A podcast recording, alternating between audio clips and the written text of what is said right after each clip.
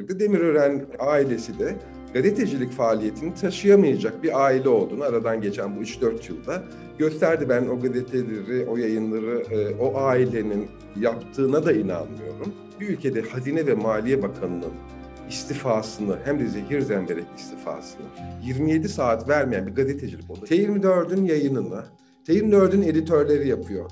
Yani e, eski deyimle tanrı yazarlık yok T24'te. Zaten olamaz. O da bir dejenerasyon. Bağımsız, objektif, kaliteli haber. Kısa Dalga Medya. Kısa Dalga'dan ve Başlık Spot'tan merhaba. E, bugünkü konuğumuz Doğan Akın, T24 Genel Yayın Yönetmeni. Doğan Bey hoş geldiniz. Merhabalar Kemal.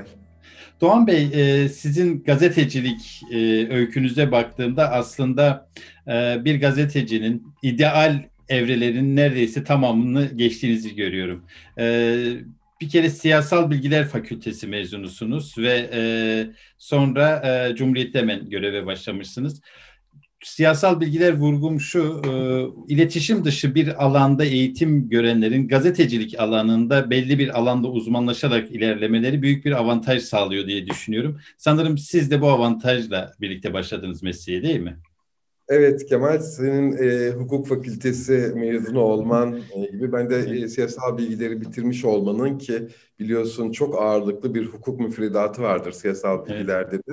Hatta çok eskiden e, 4 ders fark verilirken 80'lerin ortasına kadar hukuk fakültesi mezunu da e, sayılabiliyordu siyasal bilgiler mezunları. Dolayısıyla ben de siyasal bilgiler fakültesinde gördüğüm eğitimden e, gazetecilik hayatında çok yararlandım. Özellikle e, iktisat, uluslararası ilişkiler, kamu yönetimi ve hukuk formasyonunun gazeteciliğinde e, Türkiye'nin de gündemindeki meselelere çok yakın e, meseleler olduğu için gazetecilikte çok yararı oldu bana. Evet.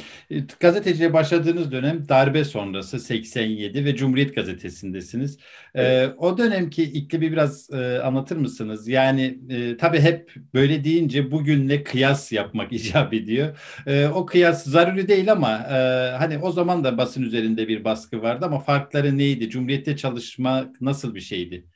Tabii Cumhuriyet e, 1980 12 Eylül darbesinden sonra aslında Türkiye'de daha e, demokrasi mücadelesi veren insanların, aydınların, üniversitenin, akademisyenlerin sığındığı bir gazeteydi. E, ve çok e, önemli yazarları, yöneticileri vardı. Uğur Mumcu Cumhuriyet Gazetesi'nin Ankara bürosundaydı. Cüneyt Arca Yürek, Mustafa Ekmekçi, Gencay Şaylan, e, Ankara bürosundalardı. Benim Cumhuriyet Gazetesi'nin Ankara bürosunda başladığında. Yalçın Doğan Ankara temsilcisiydi. Daha sonra Turizm Bakanı olan Ahmet Tan e, istihbarat şefiydi. Ankara Haber Müdürü'ydü. Ondan sonra Işık Kansu oldu. Erbil Tuşalp e, daha öncesinde haber müdürüydü. Sedat Ergin o bürodaydı. Arkasından Ufuk Göldemir o büroda oldu. Hmm. Semih İtiz Yasemin Çongar, Hakkı Erdem, Betül Uncular, o kadar Tuncay Özkan, Hakan Aygün, o kadar e, iddialı bir Evren Değer, Günseli Önal çok iddialı bir kadroydu. Ben o büroya en genç isimlerden birisi olarak girdim. Tabii işte 12 Eylül sonrasında 83 seçimleri yapılmış, e, e, Özal iktidara gelmişti ANAP. Ve 12 Eylül rejiminin aslında e, çözülmeye başladığı bir süreçte biz başlamış olduk. Gazeteciliğe benim serüvenim öyle başladı. Bunu söyleyebilirim. Bir kere Türkiye'de bugün medyanın meseleleriyle ya da başka bir meseleyle uğraştığımızda hep geçmişin e, aslında çok sorunsuz olduğunu varsayarak hep geçmişe bakış e, yapıyoruz. Yani birazcık ayıklıyoruz. Tabii ki Türkiye'de medya her zaman bütün tarihi boyunca çok sorunlu oldu. Bu sorun hem de iki tarafıyla e, yaşanan bir sorun oldu. Yani bir medyaya bir şekilde nüfuz etmek isteyen e, iktidar odaklarının yani siyasi iktidarın, ekonomik iktidarın, e, reklam ilan verenlerin, devletin, askeri ve diğer bürokrasinin baskı girişimleri karşısında oldu. Diğer yandan gazeteciliğin kendi içinden kaynaklanan çok ciddi sorunları da oldu. Mesela Türkiye'de gazetecilik çok genel olarak şunu iddia edebiliriz hemen hemen bir iki istisna dışında ama bütün kurumlarında devletin dilinin çok hakim olduğu bir gazetecilik oldu. Bunu kabul etmek gerekir. Ee, ama e, peki sorunlar nasıldı? Bugüne göre ben bütün Cumhuriyet tarihindeki gazetecilik sorunlarını önce bir büyük başlıkta ayırt ediyorum. O da şu, bizim ülkemizin tarihinde bir iktidar medyasının bu boyutta inşa edildiği, böyle bir mimariye sahip olduğu başka bir e, zaman yok. En büyük ayrım budur aslında. E, çok geniş bir iktidar medyası inşa edildi ve e, o medyanın dışında kalan alandaki yayınlara da alabildiğine bir baskı var. Ama o zaman da e, yaşanan baskılar, sorunlar, gazetecilikten hoşlanmayan e, elitler, siyasi elitler özellikle ve bürokratik elitler e, sorunlar yaratmıyor muydu gazetecilik için? Yaratıyordu ama şunu bir örnek olarak verebilirim. Örneğin Turgut Özal... E, 12 e, Eylül darbesi sonrasındaki ilk başbakan yani e, seçilmiş ilk başbakan Bülent Ulusoy'du biliyorsunuz darbenin başbakanı. E, Turgut Özal Cumhuriyet Gazetesi'nden hiç hoşlanmazdı. Hatta Bağbali'nin Pravdası ifadesi kullanılırdı. Bir, Bağbali'de iki buçuk gazete kalacak derdi ki o buçuk gazete içinde Cumhuriyet'i kastederdi. Fakat buna rağmen Hasan Cemal, Cumhuriyet Gazetesi'nin yayın yönetmeni onun e, seyahatlerine davet edilirdi, katılırdı. Yani bir sonuçta hoşlanmamak olsa da bunun veya e, e, açıklanması söz konusu olsa da e, sözlü saldırılar olsa da davalar olsa da ama bir tahammül bir şekilde vardı. Bunu e, e, Türkiye bu, bu, bunu, bu tür ilişkilere tanık oldu. Demirel'i ben yıllarca Başbakanlık ve Cumhurbaşkanı muhabiri olarak izledim hiç hoşlanmadığı yayınların muhabirlerine son derece saygılı, ilgili, dikkatli davranırdı. Sorularını alırdı ve bütün sorularını yanıtlardı. Her ay bir basın toplantısı düzenlerdi Ankara'da. Yeni Başbakanlık denilen Devlet Planlama Teşkilatı Müsteşarlığı'nın da olduğu eski başbakanlığın hemen arkasındaki yapıda. Dolayısıyla bu dönemdeki gibi bir çizgi çekilerek ayrılmış, ayırt etme e, ve davet edilmeyen, resmi programlara davet edilmeyen yayın e, ne diyelim e, e, lar dünyası yoktu orada. Şu yok muydu? Bunu hemen yanına ekle. Mesela Genelkurmay Başkanlığı'nın akreditasyonları vardı. Genelkurmay Başkanlığı'na girecek gazeteciler ya da temsilcileri girecek yayınlar çok belliydi. O zamanlarda çok tartışılırdı. Gelin görün ki onlardan yani biz 80'lerin ortasından bahsediyoruz. Neredeyse 35 yıl sonra şu anda gazeteciliği konuşuyoruz o akreditasyonları kat kat aşan akreditasyonlar, e, vetolar, yok saymalar, ambargolarla cereyan eden bir gazetecilik. E, daha doğrusu bir gazete dünya, yayın dünyası iktidar ilişkileri olduğunu söyleyebilirim.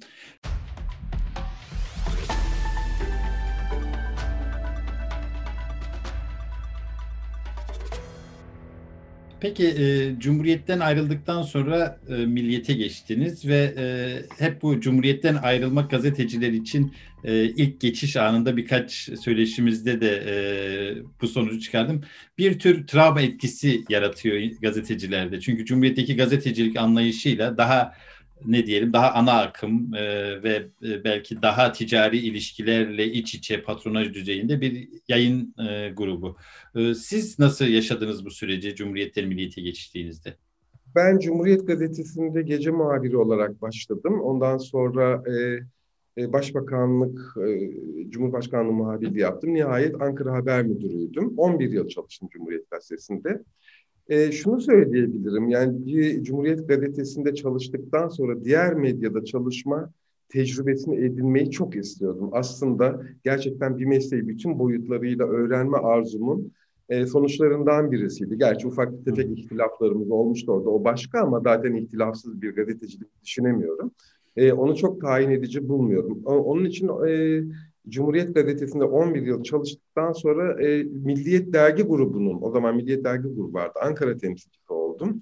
Ondan da yaklaşık bir yıl sonra Milliyet Ankara bürosunun e, haber müdürü oldum. Fikret Bila ile harikulade bir çalışma düzeni içerisinde çalıştığımızı söyleyebilirim. Gerçekten de birbirimize ilhamlar verdiğimiz, benim de yeni şeyler öğrendiğim, daha popüler, daha kitle e, e, gazetesi olan e, bir, e, bir gazete olarak Milliyet'te çok güzel şeyler öğrendim. Şunu söyleyebilirim, aslında Milliyet o dönem için Cumhuriyet'ten geçmek için daha yumuşak, daha sonuçta evet daha popüler, daha bir büyük bir kitleye hitap eden bir gazete olmakla birlikte Cumhuriyet'ten geçmek için e, en iyilerden birisiydi. Dolayısıyla söylediğiniz anlamda bir e, travmam hiç olmadı. Tam tersi çok ilginç, çok güzel bir öğrenme süreci oldu benim için. O e, zaman sonra... milliyet için bir parantez açalım. Belki milliyet de e, hani şunu söylememiz yanlış olmaz herhalde. Sosyal demokrat çizgide yayın yapan bir ana akım gazete.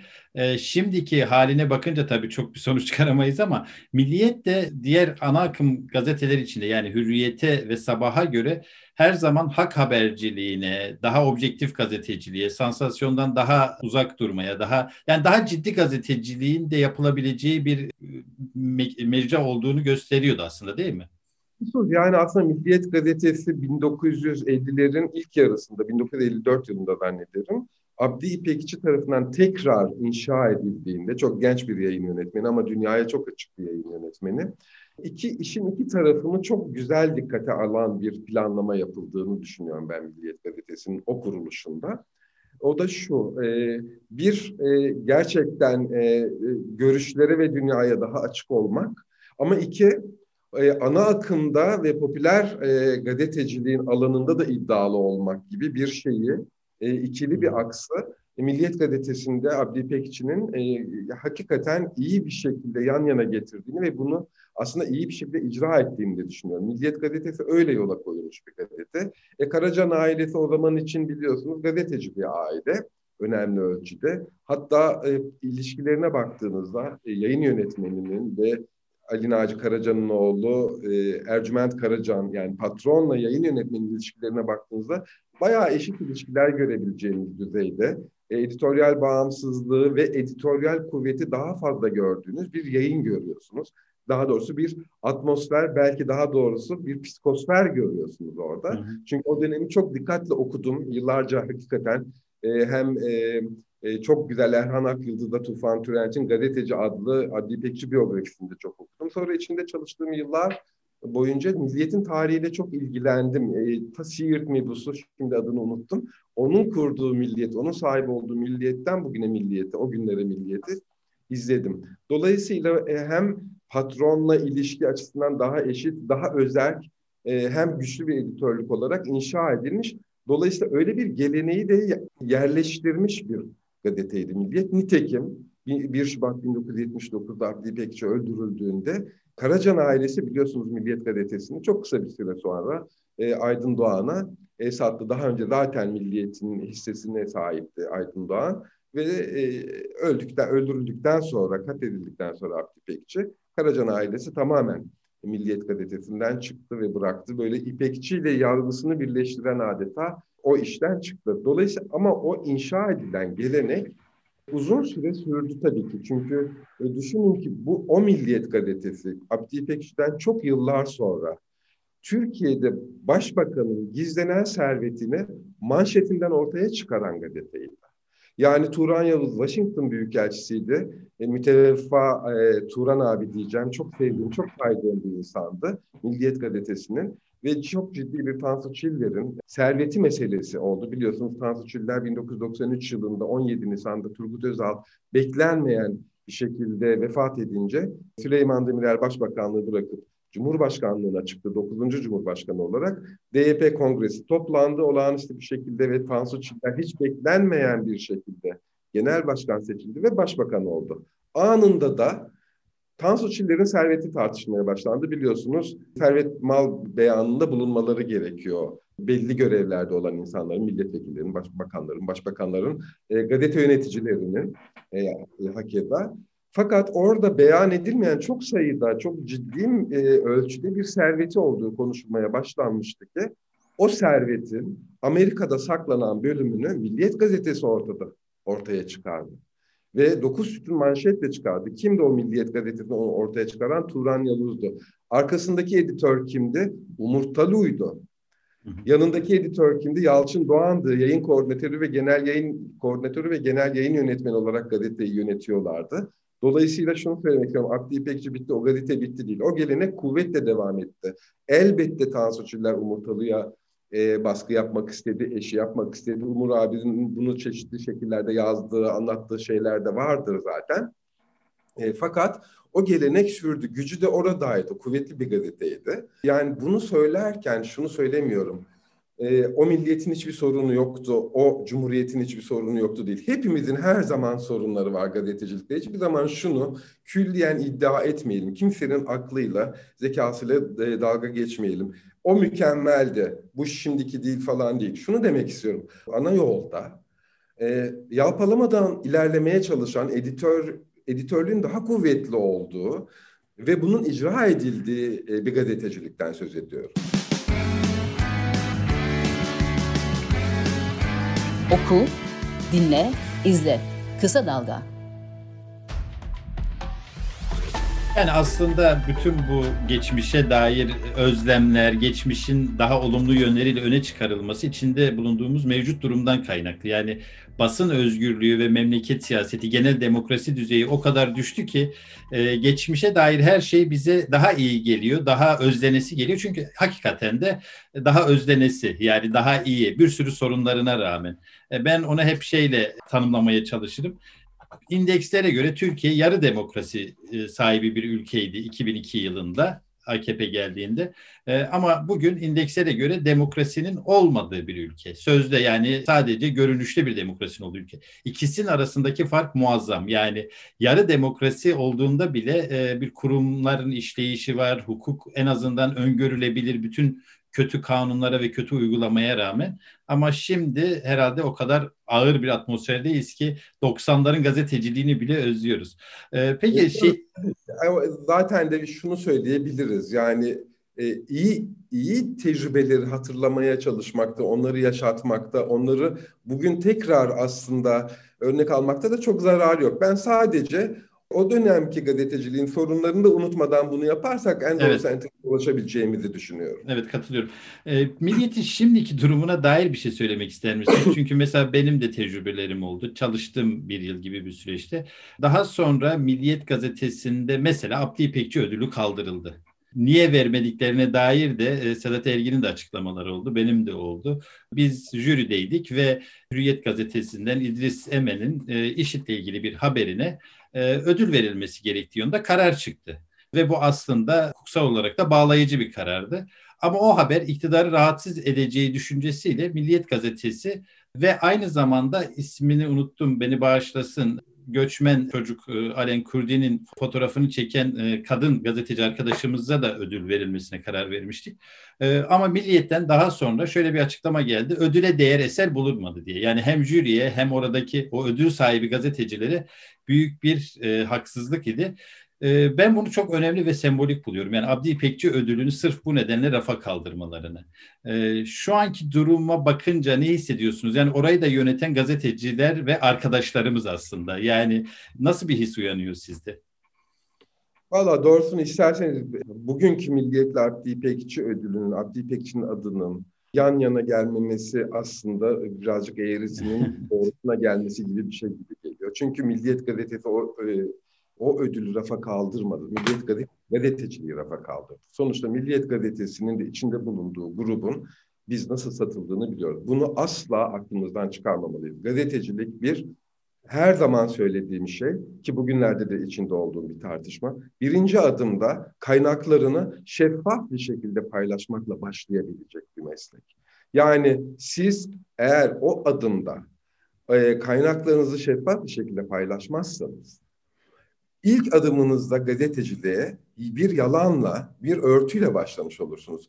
E, Milliyet Gazetesi'nin de içinde bulunduğu Doğan grubu bugün Türkiye'nin e, en büyük bankası olan Ziraat Bankası'nın, bir kamu bankasının e, Demirören grubuna verdiği e, yaklaşık 900 milyon dolar olarak bilinen, bak bilinen diyoruz çünkü bunu hala bilmiyoruz.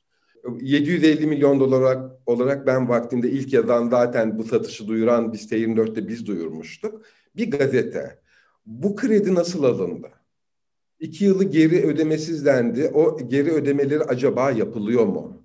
Koşulları neler? Acaba döviz krizi, e, kur sıçramaları sırasında burada bir sabitleme oldu mu? Nasıl cereyan ediyor o iş orada bunları bilmiyoruz. Dolayısıyla Milliyet Gazetesi ni ve içinde bulunduğu grup e, bu şekilde el e, değiştirdikten sonra e, zaten çok şey beklememek gerekirdi. Demirören ailesi de gazetecilik faaliyetini taşıyamayacak bir aile olduğunu aradan geçen bu 3-4 yılda gösterdi. Ben o gazeteleri, o yayınları, e, o ailenin yaptığına da inanmıyorum doğrusunu isterseniz. E, orada atanmış çok sayıda komiser olduğunu düşünüyorum. Yayınlara karar verildi e, veren. Bunları böyle konuşunca e, aslında şöyle bir şey oluyor. Ya işte bir gazeteci başka bir gazeteye işte e, yapıyor e, saydırıyor gibi bir şey. Sadece şunu söyleyelim. Bence çok uzaklara gitmeye gerek yok. Bir ülkede Hazine ve Maliye Bakanı'nın istifasını hem de zehir zemberek istifasını 27 saat vermeyen bir gazetecilik olabilir mi? Artık yani hani bu barut meselesi biliyor musunuz? Hani niye yenildiniz demiş. E, barutumuz yoktu demiş. Şey, tamam gerisini anlatma diye. Yani gerisini nasıl konuşacağız? Neyini konuşacağız? Gazetecilik bağlamında neyini tartışacağız? Orada bulunan, bulunmak durumunda kalan insanları suçlamıyorum. Birçok meslektaşımızı suçlamıyorum. Ama bir yer hariç medya elitleri tabii ki bu icraattan onlar da sorumludur. Ben her zaman gazetecilik tartışmasında şunu söylüyorum. Devlet baskısı tamam. Mevzuat baskısı tamam. Askeri ve e, sivil bürokrasi baskısı tamam e, reklam veren iş dünyası, ik, ekonomik iktidar baskısı tamam. Gazetecilik bunları hep tartışıyor. Ama biz gazetecilerin kendisini bu tartışmanın içinde de değerlendirmezsek bu tartışmayı eksik bırakmış oluruz. Türkiye'de gazeteciliğin kendisinin de çok ciddi problemleri var. Bunu özellikle medya elitleri için söylüyorum. Bugün her her gün ekranlarda, e, sayfalarda, internet sitelerinde iktidara yakın medyanın gerçekten çok sayıda insanı, grubu, ailelerine hedef alan, onların itibarlarına hedef alan e, yayınları o medya elitleri inşa ediyor sonuçta. Onları bir şekilde onlar o ekranlara, o sayfalara gitmiyor. E, dediğim gibi oradaki e, ve bütün medyadaki elitlerin e, medyaya ilişkin konuştuğumuz bütün sorunlarda birinci derecede sorumluluğu olduğunu düşünüyorum. Abi tam da burada e, akla şu geliyor. Şimdi T24'te birçok yazar çalışıyor. Daha önce ana akım medyada da e, görev almış ve ana akım medya yüzü olarak da bilinen. Hatta bunun en önde gelen temsilcileri ve e, birçoğu da geçmişte genel yayın yönetmenliği, Ankara temsilci gibi görevlerde bulundu ve birçoğu hakkında da aslında kamuoyunda bu medya eliti tanımlamasına uyuyor.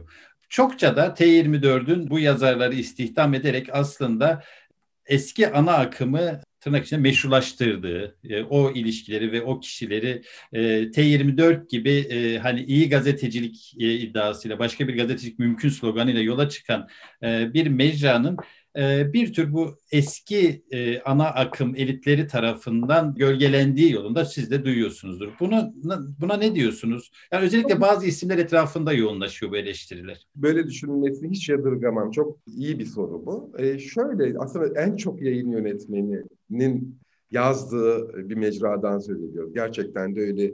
E, bugün Türkiye'nin en etkili yazarlarından Mehmet Yılmaz, Hasan Cemal, Fikret Bila, efendim Yalçın Bağ. Yani e, hakikaten hepsi e, vaktiyle eski ana akımda e, çok önemli editoryal görevlerde bulunmuş. Aynı zamanda da yazıp çizmiş isimler.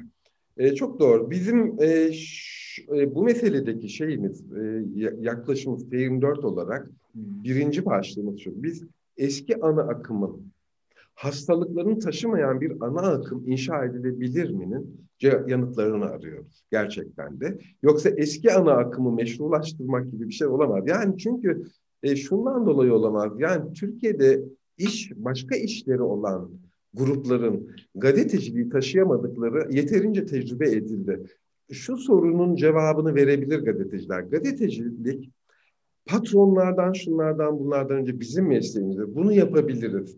Geçmişte mali ihtiyaçları aşırı telafi edilmiş. O büyük e, binalar, o işte şat, şatafatlı e, efendim imkanlar, kredi kartları, e, akıl almaz paralar falan bunlar gazeteciliği gazetecilikten uzaklaştıran şeylerdi. Tabii ki bunları T24'te yapmaya imkan yok. Birincisi bu. Acaba eski ana akımın hastalıklarını taşımayan e, bir yeni an, ana akımı gazeteciler inşa edebilir mi? İkincisi de şu, hakikaten bu insanların önemli bölümü bir kuruş para almıyorlar diye. E, bunu çok başlı başına önemsiyorum. Aslında bu bizim açımdan bir profesyonel standart eksikliği. E, ve o insanların çoğunu yeri geliyor biz davet ediyoruz. E, lütfen yazın, yazmaya devam edin. Burada hukuki bir e, standart dışında insanların hukuklarını ihlal etmek, onurlarını hedef almak dışında herhangi bir editoryal kontrol, e, herhangi bir editoryal müdahale olmayacağı sözünü veriyoruz diyerek. E, karşılığında da şu var yalnız onu söyleyeyim. Bugüne kadar bu kadar e, geçmişte e, editoryal görevlerde bulunmuş e, önemli isimler bugüne kadar bizim editoryal hiçbir sürecimizde herhangi bir müdahaleleri olmadı. Aksine bazı şeyleriyle ilgili acaba şurayı daha farklı ifade edebilir miyiz? Burada bir yasal sorun var. Ya da burada acaba bazı insanlar incinebilir mi? Buraya daha dikkat edebilir miyiz gibi e, temas dışında bizim bir temasımız olmuyor. Yani T24'ün yayınını, T24'ün editörleri yapıyor. Yani e, eski deyimle tanrı yazarlık yok T24'te. Zaten olamaz. O da bir dejenerasyon. Yani yazarlar başlı başına her şey işte gazetelerin üst düzey yönetimleriyle zaten çok içli dışlılar. E, bir e, yazarların gazetelerin yüzünde, yayın politikalarında çok e, ağırlıkları var ve dolayısıyla editörlük, yazı işleri dediğimiz taraf alabildiğine geride sadece onlar gerçekten de buyurulan şeyi yapan tanlar e, gibi konumlandı zaman içerisinde yazı işlerinde. T24 öyle değil. T24'ün yayınında yayınını editörleri yapıyor. Buna hiç kuşku yok. E, dolayısıyla bu haklı bir soru. Ama eski ana akımı meşrulaştırmaya çalışmak bir kere bizim yola çıkışımız ve kendimizi inşa edişimizle yol, e, ayrıldığımız, e, o boyuttan, o e, o görüntüden ayrıldığımız bir yapımız var. Biz her zaman söylüyorum, kendim bile bıktım bunu söylemekten.